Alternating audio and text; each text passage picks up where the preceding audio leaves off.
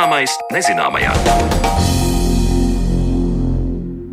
Esiet sveicināti redzējuma zināmais nezināmajā, un Sandra Kropa kā ierasts šajā laikā kopā ar jums, lai šodien runātu par to, kā zinātnieki padomju savienības laikā meklēja idejas ārvalstīs un cik daudz savulaik rietumos nozaktu iekārtu un dokumentu tika pārvests mājās.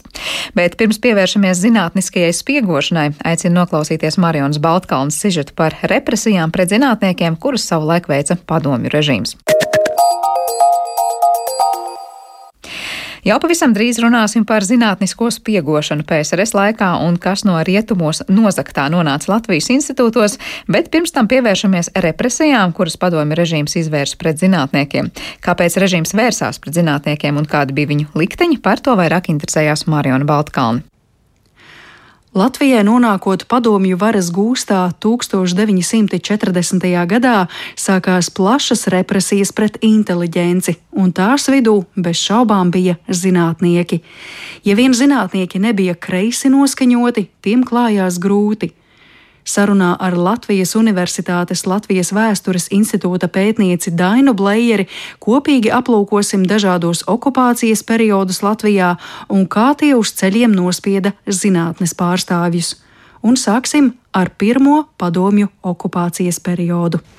Lieta ir tāda, ka Latvijā cilvēki ar akadēmisku izglītību. Patiesībā viņa nebija pārāk daudz 20. un 30. gados.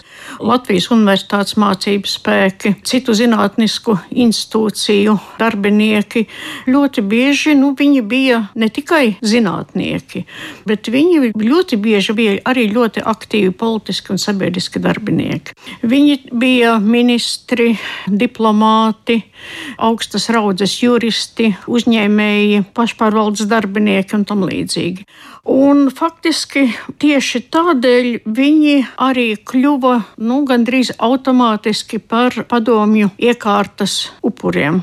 Jo 1940. un 41. gadā visumā zinātniekus represēja ne tik daudz par viņu zinātnisko darbību un zinātniskajiem uzskatiem, cik tieši par viņu sabiedrisko darbību, par viņu politisko darbību, par amatiem, kurus viņi bija ieņēmuši Kārļa Ulmaņa valdību un arī pirms tam demokrātiskās Latvijas laikā. Tas bija galvenais motīvs. Varbūt represijas pret teologiem kaut kādā ziņā bija saistītas ar viņu arī zinātnisko darbību, jo teoloģijas fakultāte universitāte tika likvidēta, visus pasniedzējus atlaida no darba. Taču arī šajos gadījumos, piemēram, tika represēts tāds ievērojams teologs kā Edgars e, Rumba. Viņš tika represēts tāpēc, ka viņš bija arī Latvijas evaņģēliskās luteriskās baznīcas brāļu draugu vadītājs, bija aktīvs aktīvs sabiedrisks darbinieks, apziņas Zviedrijas pavalsnieks. Neskatoties to, viņa represēja. Zināmā mērā pat ir uzkrītoši, ka starp tiem, kurus izsūtīja vai arestēja un represēja 1940. un 1941. gadā. Izteikti daudz ir juristu, piemēram, Hermanis Albats, jurists, speciālists baznīcas un starptautiskajās tiesībās. Viņš bija augsta līmeņa ārlietu ministrijas darbinieks, un viņš bija arī vēstnieks pie Svētā krēsla Vatikānā. Bija, teiksim, arī Kārlis Dišlers un daudzi citi. Vēl gribētu pieminēt, piemēram, nu, tādu pazīstamu personību kā Ernesto Brastiņu, dievturu dibinātāju. Protams, dievturi kā tādi bija nepatīkami padomju režīmam. Plus, vēl, protams, viņš bija diezgan cieši saistīts ar ugunskrustu un pērkoņkrustu, un tas arī noteica to, kādēļ viņu represēja. Bet tajā pašā laikā viņš bija pazīstams senvēstures pētnieks, vadīja kara muzeju. Jāsaka, ka diezgan daudz zinātnieku, kā mēs labi zinām, arī sadarbojas ar padomju varu. Sāksim ar Augustu Kerhensteinu, un kā atzīmē akadēmiķis Stradiņš, un tas ir ļoti interesanti, ka starp tiem, kas sadarbojas ar padomju varu, vairāk bija, teiksim, lauksaimniecības un bioloģijas speciālisti.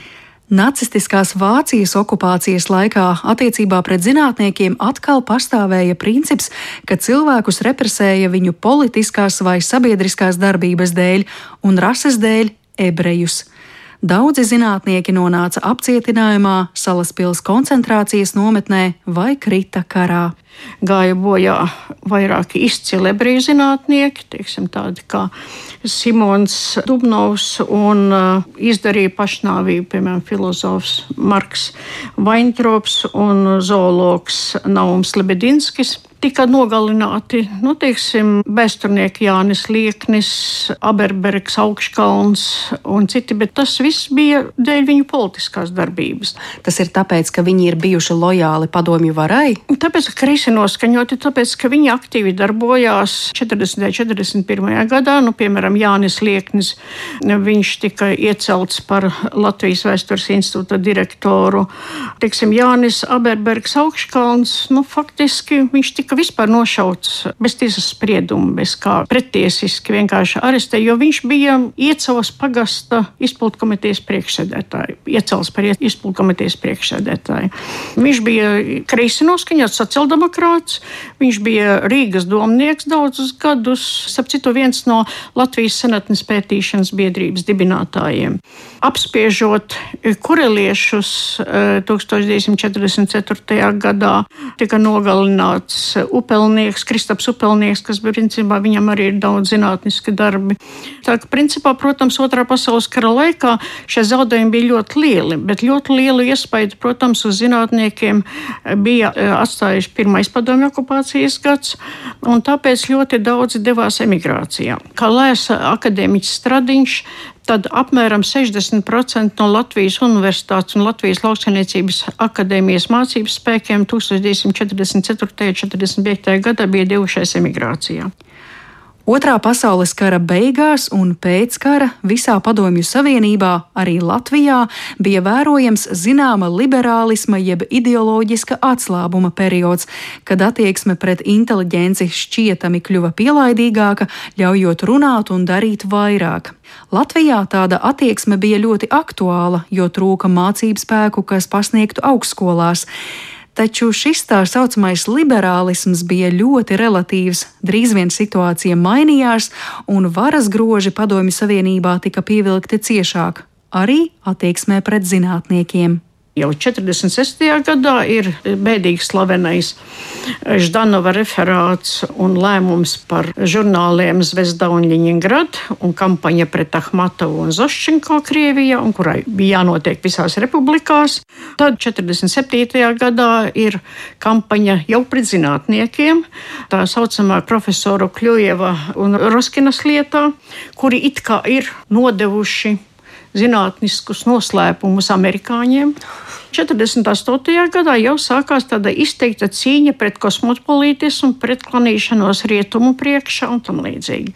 Nu, šeit Latvijas zinātnieki izrādījās nu, teiksim, ļoti viegli ievainojami šajā ziņā, jo ļoti daudzi bija studējuši ārzemju universitātēs, bija ieguvuši zinātniskus grādus ārzemēs, bija sadarbojušies ar ārzemju zinātniskajām biedrībām un stažējušies un tam līdzīgi. Nu, šis trieciens vispirms vērsās pret humanitārajām un sociālajām zinātnēm. 1948. gadā tika atlaist no darba vesela virkne Latvijas universitātes pasniedzēju. Es atzīmētu šeit filozofu Paulu Dāli. Un kas ir svarīgi, teiksim, 48. gadā sākās arī tas, ko sauc par kritikas un paškritikas kampaņām. Principā zinātnieku publiska pazemošana, kas bija sapulcēs, viņiem bija saka, jāatzīstās savās ideoloģiskajās kļūdās par to, ka viņi nav bijuši marksistiski, ļiņiniski, pietiekami izglītoti un tam līdzīgi. Viņus varēja kritizēt, jebkurš, un daudziem nācās atteikties no saviem uzskatiem, vai no saviem skolotājiem un saviem kolēģiem un tam līdzīgi. Paula Dāles gadījumā viņš bija ticīgs cilvēks, un viņš nevēlējās atteikties no saviem reliģiskajiem uzskatiem. Viņam septiņus gadus nedēva darbu vispār. Viņam bija daudz arī veselības problēmas. Principā viņa pēdējie mūža gadi noritēja lielā aizmirstībā un arī lielā nabadzībā. Otrs piemērs starp tiem, kurus 48. gadā atlaida, tā ir Milda Palēviča, filozofe, kura bija iegūsi arī doktora grādu Sorbonnā 20. gados. Uh, principā pirmā, kas nodarbojas ar ētikas jautājumiem mākslā. Jāsaka, ka Paleviča diezgan centās iekļauties. Viņa uzskatīja pati, ka ir kreisi noskaņota, viņa pasniedza marksismu, ļiņinismu, viņa apmeklēja marksismu, ļiņinismu kursus un tam līdzīgi, taču tas nelīdzēja. Nu, teiksim, vieni funkcionāri viņu atbalstīt, kā teica, viss būs labi un tam līdzīgi. Nu, jūsu disertācija, jā, jūsu disertācija netiek atzīta. Nu, ļoti daudziem neatzina viņu akadēmiskos grādus. Principā neatzina visiem, kas šos akadēmiskos grādus bija ieguvuši Vācu okupācijas laikā. Tiem bija jāizstāvās par jaunu, jāraksta jauna kandidāta disertācija. Bet ļoti daudziem arī, kas 20. un 30. gados bija ieguvuši doktora grādus, īpaši ārzemēs, viņiem arī tos neatzina un nācās par jaunu vai aizstāvēt disertācijas vai cīnīties par grādu atzīšanu. Un bija pat tādas dīvainas dažas situācijas, ka teiksim, cilvēks bija akadēmiķis un augstos amatos, bet viņam nebija grāda, jo neatzina to veco, bet no jauna viņš nevēlējās saka, aizstāvēt kandidāta disertāciju. Laika posmā no 1949. līdz 1952. gadam zem sitiena nonāca nu jau arī bijušie sociāldemokrāti un citi zinātnieki, kuri bija spējuši kaut kā noturēties akadēmiskās pozīcijās, bet kurus apsūdzēja iepriekšējos grēkos par darbību neatkarīgās Latvijas laikā vai Vācu okupācijas laikā. Piemēram, matemātiķim Kārlim Zeltam tieši saistībā ar aktīvo publicistiku 20. un 30. gados par etnogrāfiju un folkloru vēlāk neļāva darboties Latvijas Zinātņu akadēmijā. Juristu Pēteri Mucenieku 1944. gada novembrī apstiprināja par lauksaimniecības akadēmijas katedras vadītāju, bet dažus mēnešus vēlāk apcietināja un izsūtīja uz Arhangeļskas apgabalu par to, ka Vācu okupācijas laikā viņš bija darbojies zemes pašpārvaldē.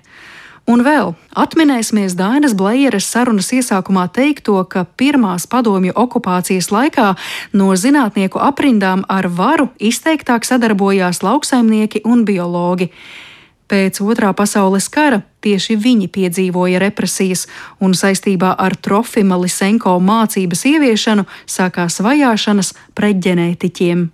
Ģenētika tika pasludināta par pseidozinātni Ļoti liela ietekme uz lauksaimniecības zinātni un bioloģiju bija Trofimam Lisenko tāds, varētu teikt, zinātnieks, diletants, kurš izvirzīja ideju, ka vispār ka gēniem nav nekādas nozīmes. Lisenko ideja balstījās uz to, ka ir iespējams pieradināt dzīvo dabu, atlasot, teiksim, noteikts eksemplārus vai veicot, piemēram, ar sēklām vai ar kaut ko, kaut kādas manipulācijas, piemēram, tas sasaldēt un tam līdzīgi, var mainīt iedzimtību. Ja?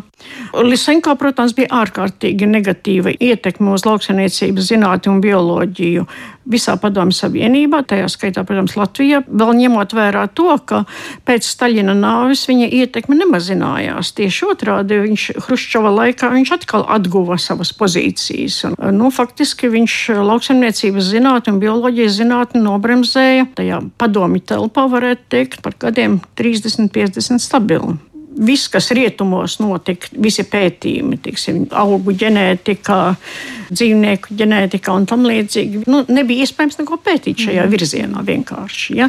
Nu, notika ģenētiski pētījumi Padomju Savienībā, citu, bet tie notika saistībā ar militāru rūpniecisko kompleksu. Mm. Visumā es teiktu, kāda bija padomju režīma politika, īpaši humanitārajās un sociālajās zinātnēs.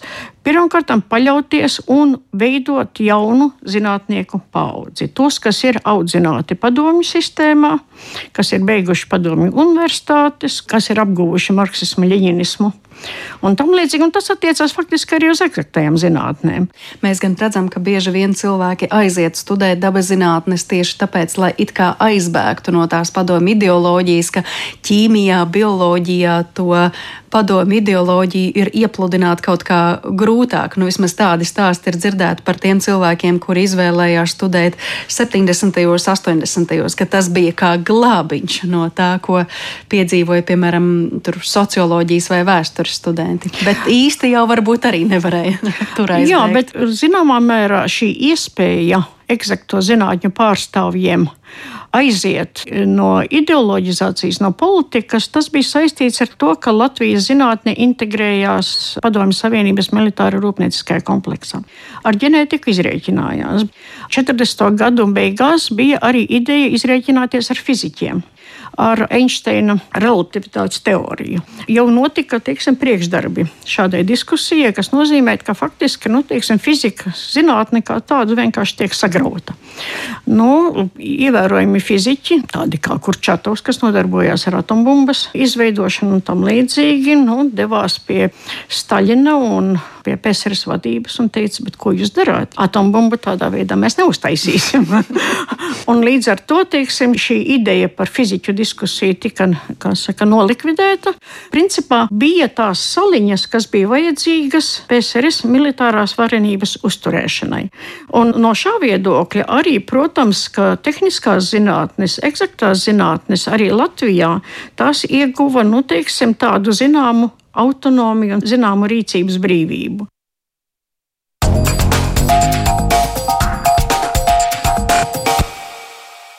Paldies Marionai Baltkalnei par sagatavoto stāstu, bet raidījuma turpinājumā mēs pievēršamies tam, kā zinātnē Padomju Savienībā no rietumiem tika zaktas idejas, vielas un aparatūra.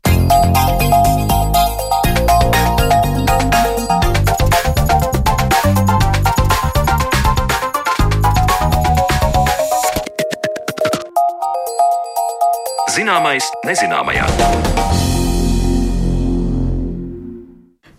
Dzelzs priekškara aizsargā Padomju Savienībā norisinājās daudz slepenu darbību, par kurām arī mūsdienās zinām maz. Spiegošana bija viens no veidiem, kā režīms varēja būt lietas kursā par notiekošo rietumos, un šodien mēs raidījumu esam veltījuši kādai ļoti specifiskai izlūkošanas lapusei PSRS vēsturē. Zinātniskajai un tehnoloģiskajai spiegošanai, ko PSRS laikā īstenoja rietumos. Kādas idejas, zināšanas padomju zinātnieki atveda mājās no vizītēm rietumvalstīs, par to tad šodien uz sarunu esam aicinājuši Induls Zālīti. Induls ir bijušais totalitārismu seklu dokumentēšanas centra vadītājs un arī ķībiķis. Labdien! Labdien! Es saprotu, ka jūsu uzmanības interešu lokā ir nonākuši dažādi jautājumi, kas saistās ar šo zinātniskās spiegošanas vēsturi. Pastāstiet vispirms par to, nu, cik daudz vispār par šo tēma mums ir zināms, jo vismaz primāri pirmo reizi dzirdot par šo tēmu, mums daudziem uzreiz likās, ka vai tur, vai tur daudz drīkst stāstīt, vai tur daudz ir ko stāstīt. Nu, teiksim, ja gribam būt konsekventi, tad mēs varam balstīties uz arhīvu dokumentiem, uz uh, atmiņām, tas ir bijušo izlūkošanas darbinieku uh, intervijām, tās pārbaudot. Nu, tas ir akadēmiski pieeja. Uh, tāda pieeja ir izmantota Krievijā, uh, izmantojuši ir ārzemju autori, ārzemju pētnieki un tā tālāk. Eh, ja mēs runājam par Latviju, tad diemžēl Latvijā nu nav nekā. Praktiski tās ir intervijas ar uh, bijušiem VDK darbiniekiem, uh, ar zinātniekiem, tiekoties, kā man, teiksim, kā bijušam ķīmiķim. Tādi paralēli kontakti ir interesanti un, un sarunas iznākušas sakarīgas. Un, bet, teiksim, priekšstatu veidot par to, uh, kāda bija LPSR, Valsts drošības komitejas sasniegumi uh, zinātniskā un tehnoloģiskā izlūkošanā, mēs varam iegūt. Tad patiesībā tas ir sarunas ar cilvēkiem, kas ar to ir bijuši saistītas vai nu, tuvu stāvējuši. Attiecībā pret uh, LPSR mm -hmm. uh, ir saglabājušās dažas, uh, teiksim, visas padomu savienības uh, līmenī vai mērogā ir saglabājušies atsevišķi valsts drošības komitejas atskaišu protokoli, atskaites PSKP uh, centrālajai komitejai par uh, nu, iepriekšējā gada sasniegumiem. Un tur tiek minēti teiksim, uh, skaitļi, cik materiāli iegūts, cik paraugu. Nu, kā mēs varam teikt, tas ir kaut kāds nozagts, kaut kādas ierīces, un cik ir izmantots tālāk rūpniecībā un tā tālāk. Var teikt, cik nokupēts? No tā, kas jā, ir izdevies, tad... atvests un pēc tam sāks ražot. Bet tā tas arī bija rakstīts tajās atskaitēs, kas ir skaidrs, salasāms, melns uz balta. Jā, tā, tā tas ir arī rakstīts. Es gribētu gan no sākuma atzīmēt, pirms mēs ejam dziļāk tieši izlūkošanā, ka kopēšana, klonēšana, tā bija Padomu Savienībā ierasta prakse, jo zinātnes un tehnoloģiju attīstība atpalika pa 5, 7 gadiem, kaut kur varbūt vispār atpalika aiz horizonta kaut kādās nozarēs. Tā kā PSRS plānveida ekonomika ar katru gadu ar vienu zaudēja savu potenci un uh, kļuva nērtāka vispār izgudrotājiem vietējiem, tad uh, visi šie procesi notika iedzīšanas režīmā. Un uh, šo materiālu iegūšanai un izspiegošanai un tā tālāk bija radīts milzīgs tīkls. Tas bija Vissavienības sistēmisko pētījumu institūts, uh, kurš uh, nodarbojās ar aktuālām zinātnes, tehnoloģijas, jebkurām problēmām un, un prognozēja PSRS strateģisko attīstību.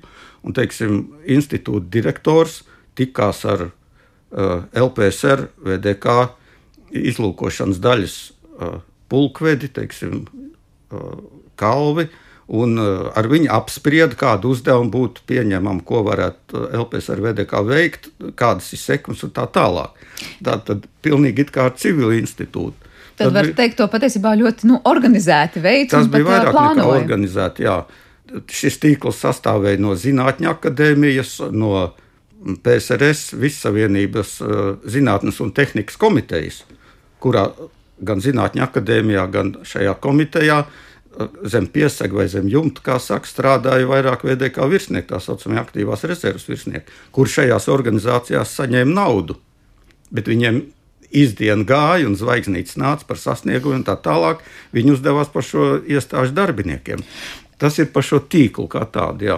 Lai precizētu, tātad šie VDK patiesībā darbinieki bija tie, kas pēkšņi kļuva par zinātnisko institūciju, it kā darbiniekiem, kas nodarbojas ar šo spiegošanu, vai tie bija paši zinātnieki?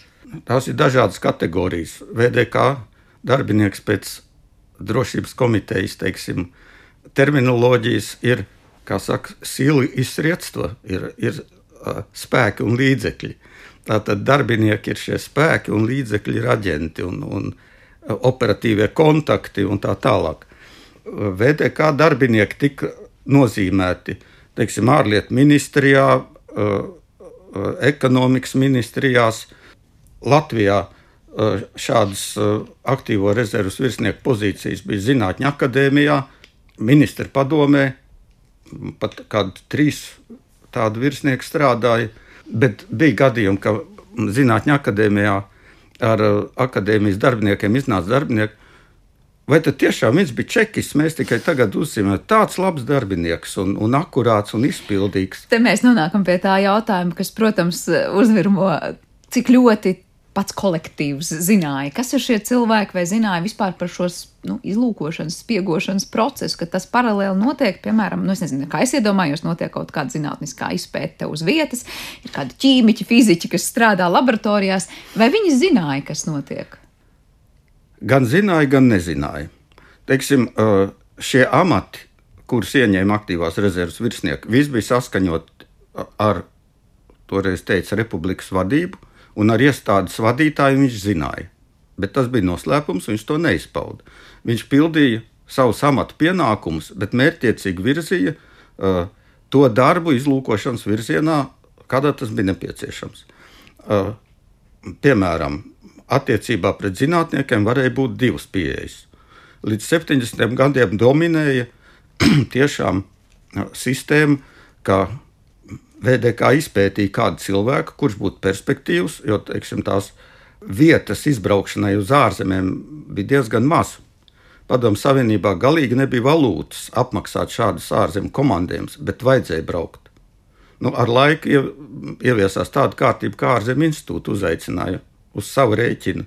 Mūsu zinātnieks atkal radās problēma, bet ko viņi tur Kā viņi tur to apstrādās, tagad viņš nekļūst par dubultspiegu, par ko mēs arī varam parunāt. Jā, jo tas ir ļoti interesanti, kāpēc vispār šie ārvalstu institūti bija interesēti, lai no padomju savienības šie zinātnieki vai šie cilvēki dotos, vai viņi arī tādā veidā mēģināja spiegot, kas notiek padomju savienībā, vai viņi zināja, ka te viss varbūt atpaliek un te īsti nav ko spiegot. nu, nē, smadzenes vienmēr ir smadzenes. Tas, ka smadzenes nevar tikt izmantotas padomu savienībā, viņš uzplaukst nonākot kreatīvā vidē. Varbūt tā kreatīvā vide ir arī padomu savienībā, bet inovācijas netika nekādā veidā, ja tas neskāra kaut kādas bruņojumu attīstību un tā tālāk. Bet vieglāk bija nošpikot, jo ārzemnieki vienmēr bija uh, vairākus soļus priekšā. Tātad, ko mēs te izgudrosim, tādu varbūt ieiesim strupceļā, bet tie tikmēr iet uz priekšu. Bet kāpēc tie ārzemnieki pienācīgi nesargāja to savu intelektuālo īpašumu? Mm. Ļāva uh, vienkārši. Nē, protams, ka visi sargāja. Bet, kā mēs zinām, tad rietumi diezgan naivi un uzticās cilvēkiem. Viens faktors. Otrs faktors Mēs satiekamies divi zinātnieki. Mēs esam jau kaut nu, kā masoņi. Mums ir savas lietas, ko runāt.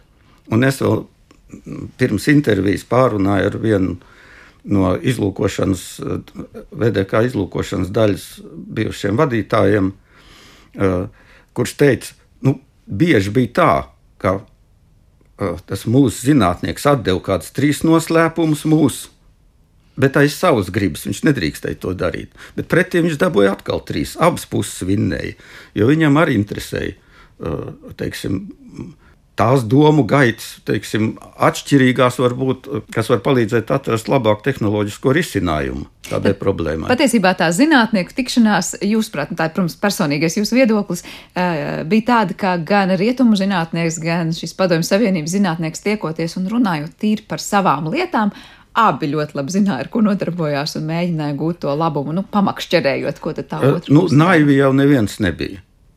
Un, uh, ja pat parunājot ar emigrantu zinātniekiem vai vienkārši jauniešiem, kur tajā laikā bija, viņi saka, nu, mēs jau zinājām, ka visur ir čeka.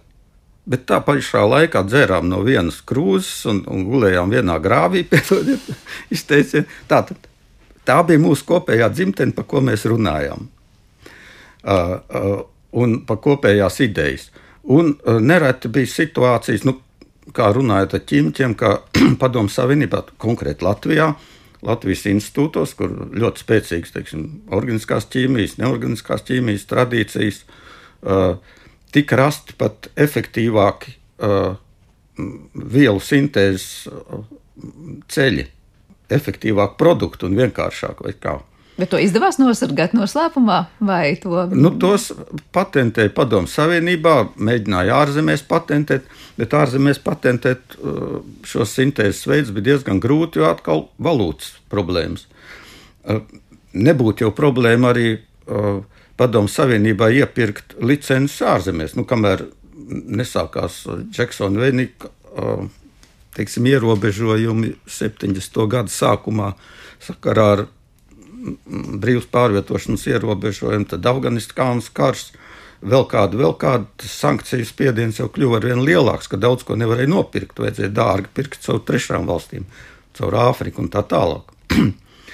Bet uh, vienkārši nebija jau tās naudas arī zāles nopirkt. Piemēram, uh, uh, viens preparāts, ar kuru varbūt Latvijas ķīmiķi, var teikt, izgāja pasaulē vai vismaz padomu savienībā, uh, Tas ir uzražojot pēckara laikā parāminos salicilskābi, kas bija ļoti labs tajā laikā moderns prettuberkulozes preparāts. Par to zinātnieku grupa saņēma, nu, tajā laikā bija Staļina prēmija. Staļina prēmija augstāko prēmiju saņēma par šo preparātu, jo pēc kara tuberkuloze bija ārkārtīgi izplatīta. Un, ja mēs tagad runājam par ētiskiem jautājumiem, medicīnai tas bija, protams, ieguldījums, bet tas glāba ārkārtīgi daudz cilvēku dzīvības. Tāpat furacilīna sintēze, uh, uh, moderna anestezijas līdzekļu, fentanīla sintēze, kur nelielos daudzumos iepirka, bet ar to nevarēja nodrošināt uh, nu, pilnu medicīniskās vajadzības. Un tad taisīja nelegālus klonus. Un bieži vien ārzemnieki savus patentus neaizsargāja Padomu Savienībā. Tā kā Padomu Savienība mierīgi varēja patentēt savu sintēzes veidu. Lai gan sākotnēji tas bija noskatīts no, no tās, jā, kas bija jā. iepirkta. Nu, tāpat mēs zinām to Ķīnu, Adidas. Tā ir un visu, ko, ko tik netaisīja, un, un kādas embargo viņi, teiksim, tika pielietot attiecībā pret Ķīnu, tāpēc, ka viņi visu klonēja, absolūti visu. Ja mēs vēl par tiem piemēram, nu jūs jau piesaucāt šeit dažus, bet uh, par kurām nozarēm mēs varam teikt tā, nu, špikošana vienkāršot sakot, vai noskatīšanās, nozakšana bija izplatītāka, vai tā ir ķīmija, vai tā ir kaut kāda. Nē, ķīmija, tāpēc, ka es esmu ķīmiķis, un man ķīmiķi vairāk ir pazīstami, jo arhīvos jau mēs dokumentus neatradīsim. Tie, uh, uh, kā šīs vielas nonāca institūtā, kas deva uzdevumu, uzdevumu deva šis pats institūts deva uzdevumu Vissavienības zinātnes un tehnikas komiteja. No Zinātņu akadēmijas varēja nākt, bet Zinātnes un tehnikas, Vissavienības zinātnes tehnikas komiteja bija tā koordinējošā. Stratēģiskā plānošana bija tas sistēmisko pētījumu institūts, kur bija nu, tiešā saistībā faktiski ar valsts drošības iestādēm, dodot uzdevumus. Tad ir vēl viena nianses. Ja Latvijas izlūki. Izlūkiem bija panākumi, un viņi ieguva rezultātu, kur bija nolēmts ieviest Padomu Savienībā. Tādu, tādu gadījumu gadā bijuši esot ap diviem līdz trīs, kas priekš mazās nelielās republikas, nelielās Latvijas, esot bijis ļoti labs rādītājs. Divi līdz trīs piecinieki. Atst, pārējie divnieki, trīnieki, tā ir izlūkošanas in, informācija nu, centrā, kas novērtēts. Mhm. Uh, tad uh, valsts drošības komiteja ne, nekavējoties pieslēdzās, lai šo uh, iegūto informāciju realizētu Latvijā. Tātad tas tika lokalizēts atpakaļ, zinātniekiem jaunu uzdevumu, jaunu komandējumu. Ir kaut kādas valūtas rezerves, varbūt aizbraukt komandējumos, uzaicināt ārzemniekus, taisīt starptautiskos simpozijas un tā tālāk. Masveidā tas bija fizikā, mikrobioloģijā, ģenētikā, gēnu inženierijā, plasmas medicīnas preparātu attīstīšana, ražošana, skaitļošanas tehnika, autobūve, materiāla zinātne, elektronika, viss praktiski. Militāra, ru, uh, militārās rūpniecības komplekss bija lielākais patērētājs faktiski. Nu, ja interesanti, var uh, minēt arī kādu piemēru. Tas ir no 70. gadu beigām. Padomu Savienība rietumos ieguva 30 tūkstoši vienības modernizētas aparatūras. Tas ir no VDK atskaitēm. Bet ieguva šajā gadījumā tad uh, noskatījās un uzražoja šeit pat uz vietas. Nē, nu, tas aparāts ir jānozog. À, un varbūt vairākas atveda. kopijas, jo vienu attaisot vaļā var kaut ko nesaprast. Mm -hmm. Tad tās ir reāli nozaktās lietas atvestās. Nozaktas uz, lietas. Mm -hmm. 400 tūkstoši dokumentu 400 tūkstoši, gandrīz pusmiljons. Šajā laikā, izmantojot rietumu tehnoloģijas, katru gadu tika uzlabotas 5000 padomu bruņojumu vienības. Un franču dienesti ir aprēķinājuši, ka tikai divas no 12 PSRS ministrijām, tas ir aizsardzības ministrija un aviācijas ministrija, uz rietumos iegūtās informācijas rēķina no 76. līdz 80. gadam pagājušā gadsimta ieguvuši ekonomisku efektu apmēram 1 miljārdu rubļu apmērā, kas ir tūkstošiem zinātnisko darbinieku gadu atdeve ekvivalents. Vairāk nekā 40% padomu elektroniskās rūpniecības sasniegumi 80. gada sākumā balstījās uz rietumu tehnoloģiju izmantošanu - 40%. Gandrīz pusi. Jā, teiks vairāk nekā. 1980. gadā Zinātnes tehniskās izlūkošanas pārvalde ieguva apmēram 5,5 tūkstošu paraugu vienā gadā no kuriem 44% tika izmantot militārā rūpniecībā, atkal gandrīz puses, 28% nonāca civilā industrijā, 28% uz valsts drošības komiteju un citām valsts institūcijām. Tātad apstrādāts kā informācija nu, katrā ziņā tā statistika tiešām ir ļoti bagātīga un iespaidīga, bet līdzīgi kā jūs stāstījāt pirms brīža par šīm tuberkulozes zālēm vai arī anestēzijas līdzekļiem, vai mēs varam vilkt kaut kādus paralēlus un teikt, nu, kas ir no tiem piemēriem tāds, ko varbūt tie padomju cilvēki šeit pēc tam ieguva vai lietoja, kas ir tiešā veidā nokopēts no tiem rietumiem, vienalga kurā no sfērām. Kādus piemērus jūs varbūt minētu?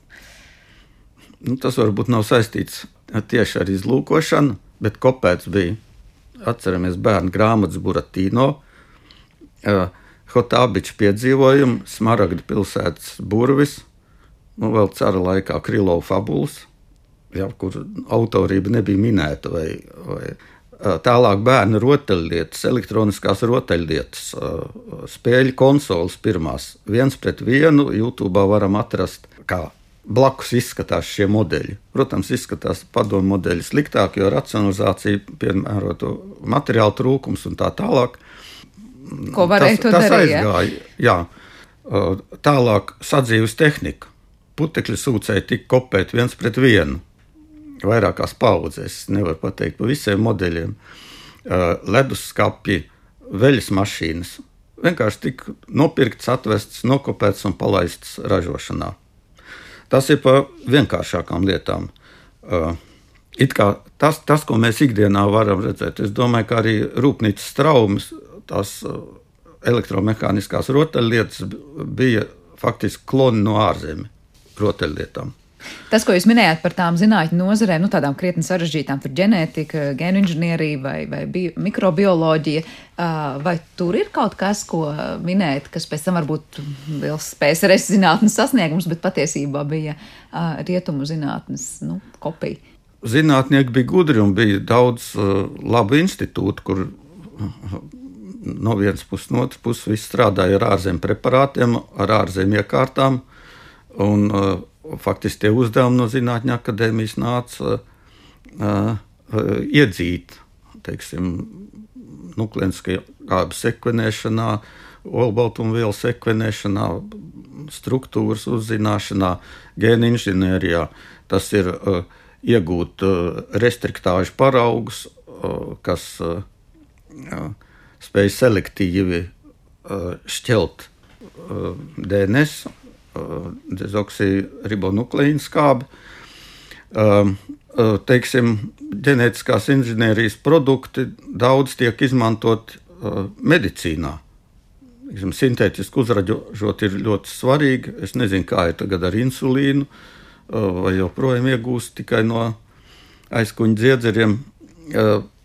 Bet mēģinājumi bija arī insulīnu ražot, bet nu, kaut kā laika, nu, vismaz zinu, pirms daudziem gadiem, ka īsti neizdevās, jo tik precīzi uzražot tam insulīnam kaut kas bija piekabinājies klāt vienmēr, kas, kas viņu padarīja neefektīvu vai pat kaitīgu. Bet ļoti daudz medicīnas preparātu tiek ražot tieši šādā ceļā. Tas ir monoklonālās antivielas, diagnostika, ātrā diagnostika, viss nāk no rietumiem. Jā, tiešām grūti iedomāties jomu, kurā, kurā nebija šie piemēri, jo izklausās tās tiešām kategorijas, kuras jūs minējāt, ir ļoti, ļoti plašas. Bet uh, jūs minējāt 70. gadus, 80. gadus, vai var teikt, ka tās bija tāds nu, ziedu laiks tai zinātniskajai un tehnoloģiskajai spiegošanai? Var teikt, ka jā, ka tas bija apmēram līdz 81. un 82. gadam. Uh, kas notika 81. un 82. gadā? Franču izlūkdienas DST bija savērvējis vienu padomju analītiķi, kurš strādāja ar uh, izlūkošanas informācijas analīzi. Tas ir viss, kas tika izlūkots, visam nāca uz galda, nonāca uz viņa galda. Divu gadu garumā viņš Frančiem piedāvāja šo, piegādāja šo informāciju. Franči bija diezgan apstulbuši. Uh, Par apjomu?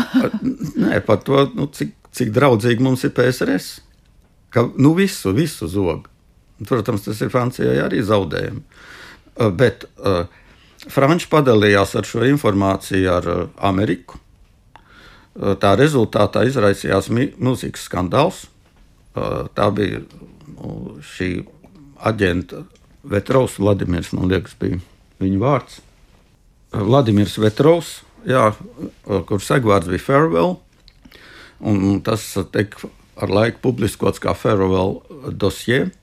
Tā rezultātā uh, pasaulē tika pa visu pasauli, par rietumu pasauli, no, tika izraidīti vairāk simti uh, krievu izlūku, kur darbojās zem piesaga, zem diplomātiskā piesaga, zem dažādu misiju piesaga, apvienotās nācijās, kur tik nebija. Faktiski uh, nu, rietumi uzskatīja, ka viņi šādā veidā to izlūkošanas tīklu, padomu izlūkošanas tīklu mugurkaulu it kā būtu sagrāvuši, kas vispār eh, īstenībā tā nebija. Šī uh, farewell dosie ēna vēl joprojām gulēja uz Gorbačovu.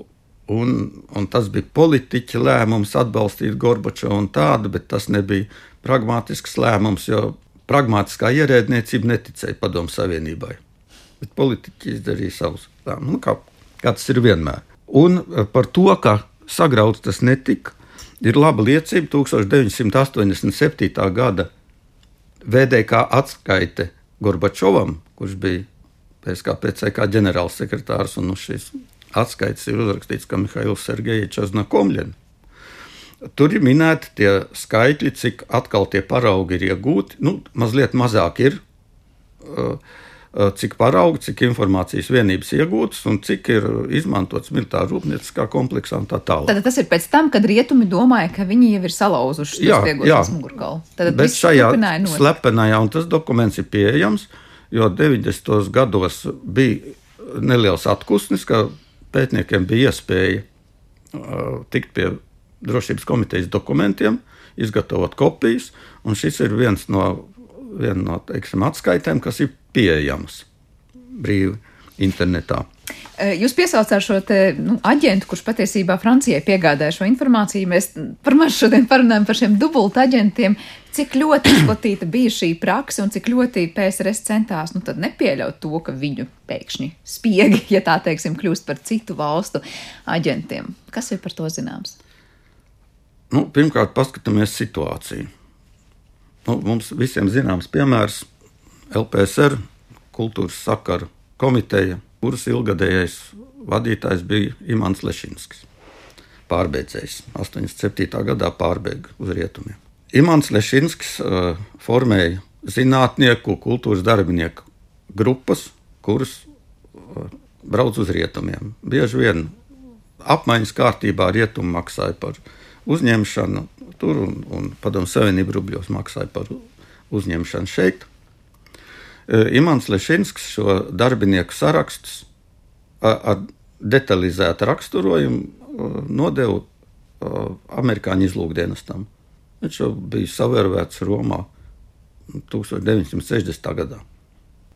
Amerikāņi šo informāciju izpēta, un viņiem jau rodas priekšstats, kas tie pa cilvēkiem, kur cilvēki viņiem varētu būt interesanti. Un viņi dara savu darbu. Kas notiek ar padomu cilvēku, kurš ir indoktrinēts, uh, klausies neskaitāmas lekcijas uh, zinātniskā komunismā, marksismā, lenismā, PSKP vēsturē un ko tik vēl neko.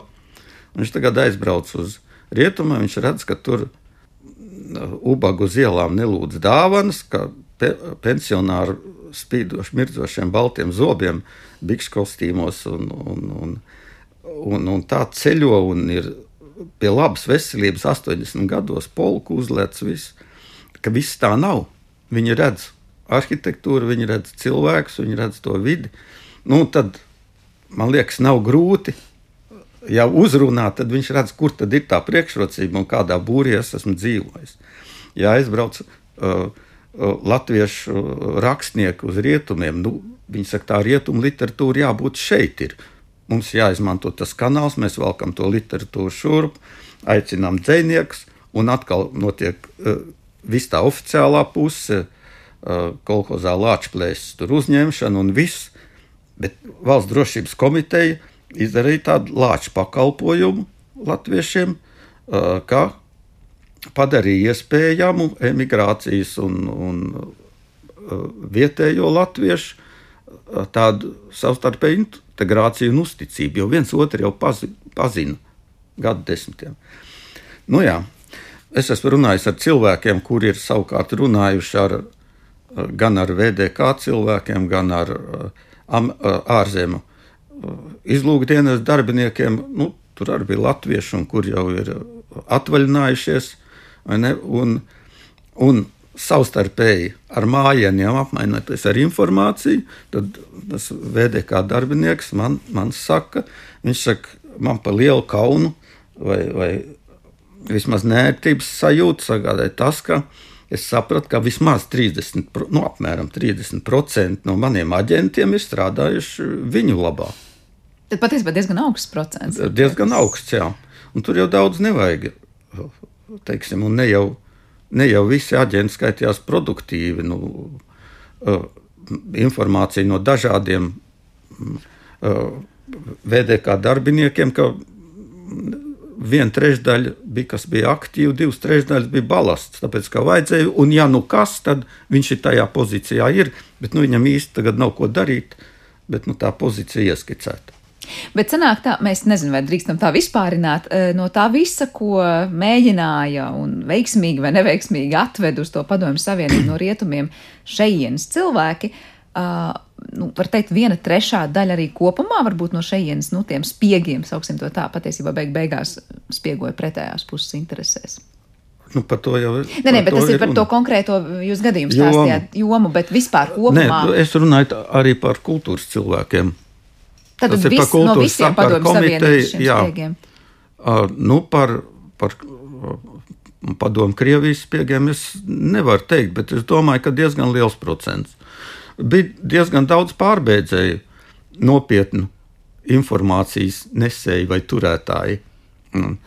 Jā, droši vien vērts ir pieminēt jau to pirmo uh, augstā ūdens šalti uh, otrā pasaules kara alianses valstīm, kā uh, Ottavā, Kanādā uh, pārbēga Krievijas vēstniecības militārās izlūkošanas pārvaldes šifrētājs Guzenko.